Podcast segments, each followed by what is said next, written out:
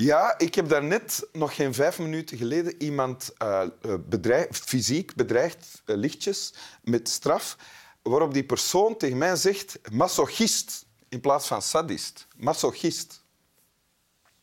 Om maar te zeggen met het vocabulaire van, het, uh, van de Vlaamse jeugd, gaat het achteruit. Pijnlijk. Ja. ja. En dat zal niet de schuld zijn van mijn gast van vandaag. Welkom in Winteruur, Guy Mortier. Dank u vriendelijk. Uh, oervader van Humo. Uh, binnenkort jarig. Dan zal je uh, je tachtigste kaars mogen uitblazen. Als ik het haal. Maar vooralsnog 79. Absoluut. Een uh, 70er. ja. En je hebt een tekst meegebracht. Wil je die voorlezen? Ja, dat zal ik voorlezen. Maandag. Als u denkt dat ik gemeen ben en steeds bloed wil ruiken en mensen schop, alleen omdat ze iets kunnen en in de weg lopen, dan verwijs ik u naar John Rivers' Can We Talk, BBC 2, 22 uur 30, een door de beruchte ongenadige bitch bijgenaamd Het Nekschot voorgezeten talkshow. Zij zegt niet toi toi toi, maar breek een been en meent het. En doet het zelf als het moet. Ondertussen blijft Merlina, BRT 18.05, zeer ver beneden alles. Het heeft een bodem bereikt waar voordien niemand zich heeft gewaagd. Men verricht er pionierswerk in de wansmaak. Jeff Elbers legt de acteurs afgeleefde, kreupele woorden in de mond en bedenkt flinterdunne, slappe verhaaltjes die Paul Ricoeur en Léa Cousin een excuus geven om zich schauspielers te noemen.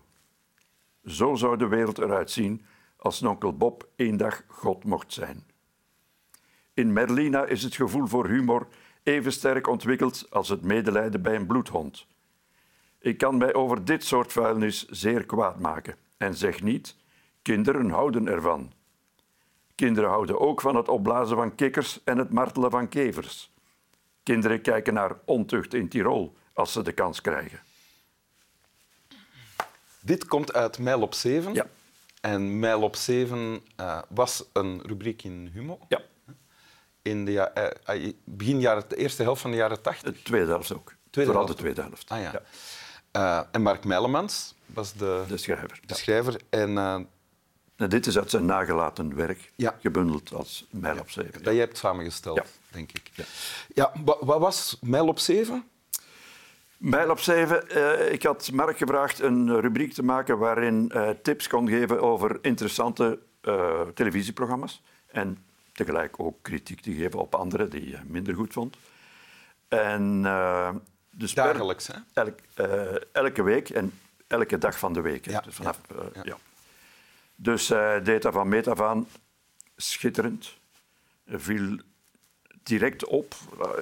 het hoge niveau, de ja, hij bleek meteen een, een gouden pen te hebben, zoals Remco Kampert wel eens over hem zei tegen mij. Mm -hmm. En uh, die mooie teksten, die wekelijkse rubriek, die kregen een, een zeer dramatische wending toen de vrouw van Mark Meilemans uh, plotseling stierf door een hersenbloeding. Heel jong nog, zo allebei nog twintigers. Hè? Ze waren allebei nog zeer jong. Ik denk dat zij 25 was. En hij is dan twee jaar later gestorven toen hij 28 was. Dus drie jaar later. Ja. ja. ja.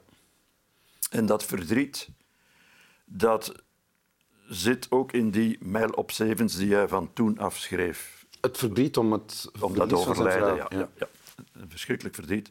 Dat hij op een, een geweldige manier uh, daarin... Uh, hoe moet ik het zeggen? Ja, dat, dat, dat, komt daarin tot uiting zonder dat er bovenop ligt. Die rubriek was nog altijd de rubriek die hij moest zijn. Met tips over televisie en opmerkingen en mijn bijgedachten en zo. Maar steeds meer kroop...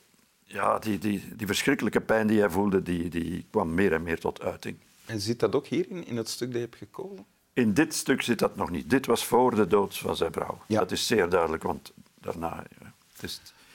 Want wat staat hier dan? Hier staat... Mag, mag ik zelf proberen samenvatten? Dus, ja, graag. Dus eerst heb je een stuk over het programma uh, Joan Rivers Can We Talk op BBC. Ja. Um, waarin John Rivers wordt aangeprezen als iemand die geen blad voor de mond neemt. Dat was een keiharde, zeer kritische bitch, Ja. zoals hij dat noemt. Ja. Wat tot aanbeveling strekt, begrijp ik. Ja, ja, ja, ja, ja, ja. Stak hoog uit boven alle gemiddelde televisie-interviewers. Interviewers, en zo. Geen, geen flauwekul, keihard. Zij zegt niet toi toi toi, maar breek een been Ja. en ze meent het. Ja. Waarop hij dat zelf ook eh, Dat deed hij al eerder, ja. de sloophamer eh boven. Ja. Natuurlijk, maar ik bedoel, waarop hij dat ook doet in dit stuk. Hè? Ja. Eh, want dan gaat het over Merline. Ja. En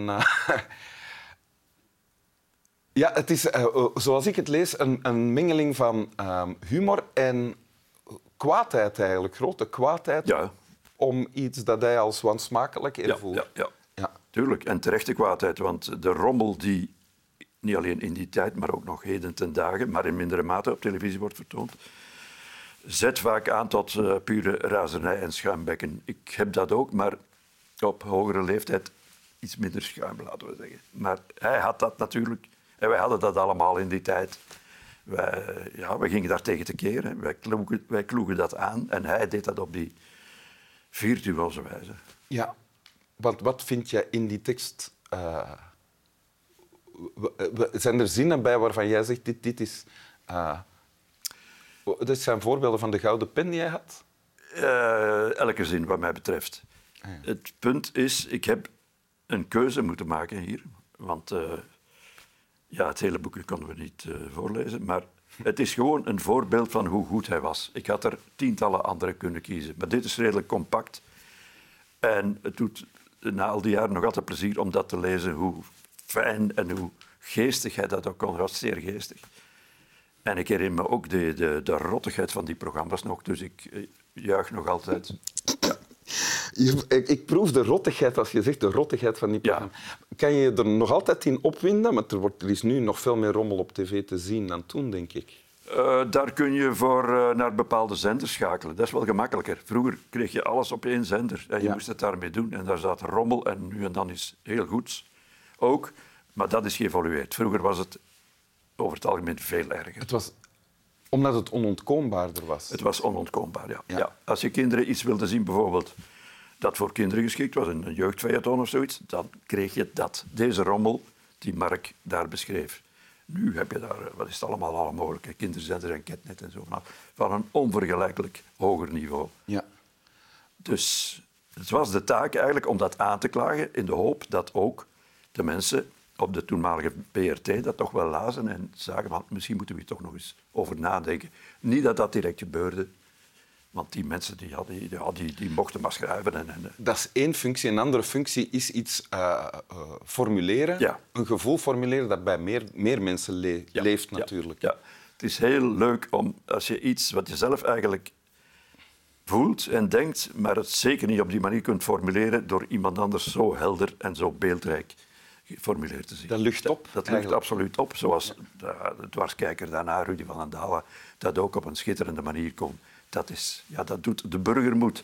Dat geeft het gevoel alsof je er toch iets tegen kunt doen. Je zit er maar te schelden voor je televisie, of je zet hem af, bon, je doet iets nuttigers.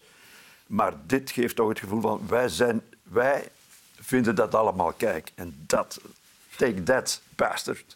Dat gevoel. Ja, ja. Ik- Heb jij dat niet? Jawel, absoluut. Daarom is het ook leuk. Want ik... eh, die- Ja, absoluut. Ja, Mhm. ja. Iemand eh weet te verwoorden, eh, mijn, mijn eigen ergernis weet te formuleren op een liefst geïnspireerde, eh, humorvolle manier. Ja. Dan, dan moet ik het zelf al niet meer doen. Dan wordt het ook eigenlijk veel verteerbaarder allemaal. ja. Aan de andere kant, dat kinderen kevers martelen en graag naar ontucht in Tirol kijken, dat wist ik dan weer niet. En daar herken ik mezelf dan minder in. Nooit een kever gemarteld. Nee. Je weet niet ik wat heb je zelfs nooit een hebt. kikker opgeblazen. Heb je dat dan gedaan? Eh, niet opgeblazen, maar ik heb er wel eh, gedood, dat weet ik wel. Er was een periode in mijn leven, kort nadat ik was afgestudeerd. heb ik veel Dus kort nadat je was afgestudeerd, dan hebben we het over de 20, 22-jarige martier. Ja, maar dit, eh, Wim, en ik zeg het niet graag, dat was een leugentje. Spijtig. Ja, ja, ja. Nee, nee. In mijn, eh, toen ik zes of zeven was, ja. Wij vingen ook wel eens meikevers en stopten ze in luciferdoosjes. En Ah, bonden ja. daar draadjes aan hun pootjes en zo. Dat is allemaal niet mooi. Nee, ja. Maar een tijd lang gebeurt dat in je jeugd. Dat is iets wat eruit moet. Dat is er niet uitgekomen bij de jonge Adolf Schrik- Schickelgruber, die later Hitler werd. Had hij dat maar gedaan. Die had wat meer mijkevers moeten Ja. opsluiten in doosjes. Ja.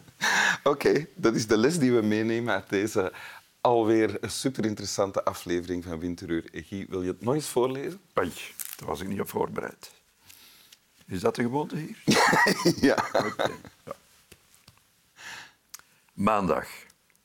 Als u denkt dat ik gemeen ben en steeds bloed wil ruiken en mensen schop alleen omdat ze iets kunnen en in de weg lopen, dan verwijs ik u naar John Rivers' Can We Talk, BBC 2, 22 uur 30. Een door de beruchte ongenadige bitch, bijgenaamd het nekschot, voorgezeten talkshow. Zij zegt niet toi toi toi, maar breek een been en meent het. En doet het zelf als het moet. Ondertussen blijft Merlina, BRT, 1805, zeer ver beneden alles. Het heeft een bodem bereikt waar voordien niemand zich heeft gewaagd. Men verricht er pionierswerk in de wansmaak. Jeff Elbers legt de acteurs afgeleefde, krubbele woorden in de mond en bedenkt flinterdunne, slappe verhaaltjes die Paul Ricoeur en Léa Cousin een excuus geven om zich schouwspielers te noemen. Zo zou de wereld eruit zien als Nokkel Bob één dag God mocht zijn. In Merlina is het gevoel voor humor even sterk ontwikkeld als het medelijden bij een bloedhond. Ik kan mij over dit soort vuilnis zeer kwaad maken en zeg niet: kinderen houden ervan. Kinderen houden ook van het opblazen van kikkers en het martelen van kevers. Kinderen kijken naar ontucht in Tirol als ze de kans krijgen. Dank u. Alsjeblieft. Slap wel. Slap wel.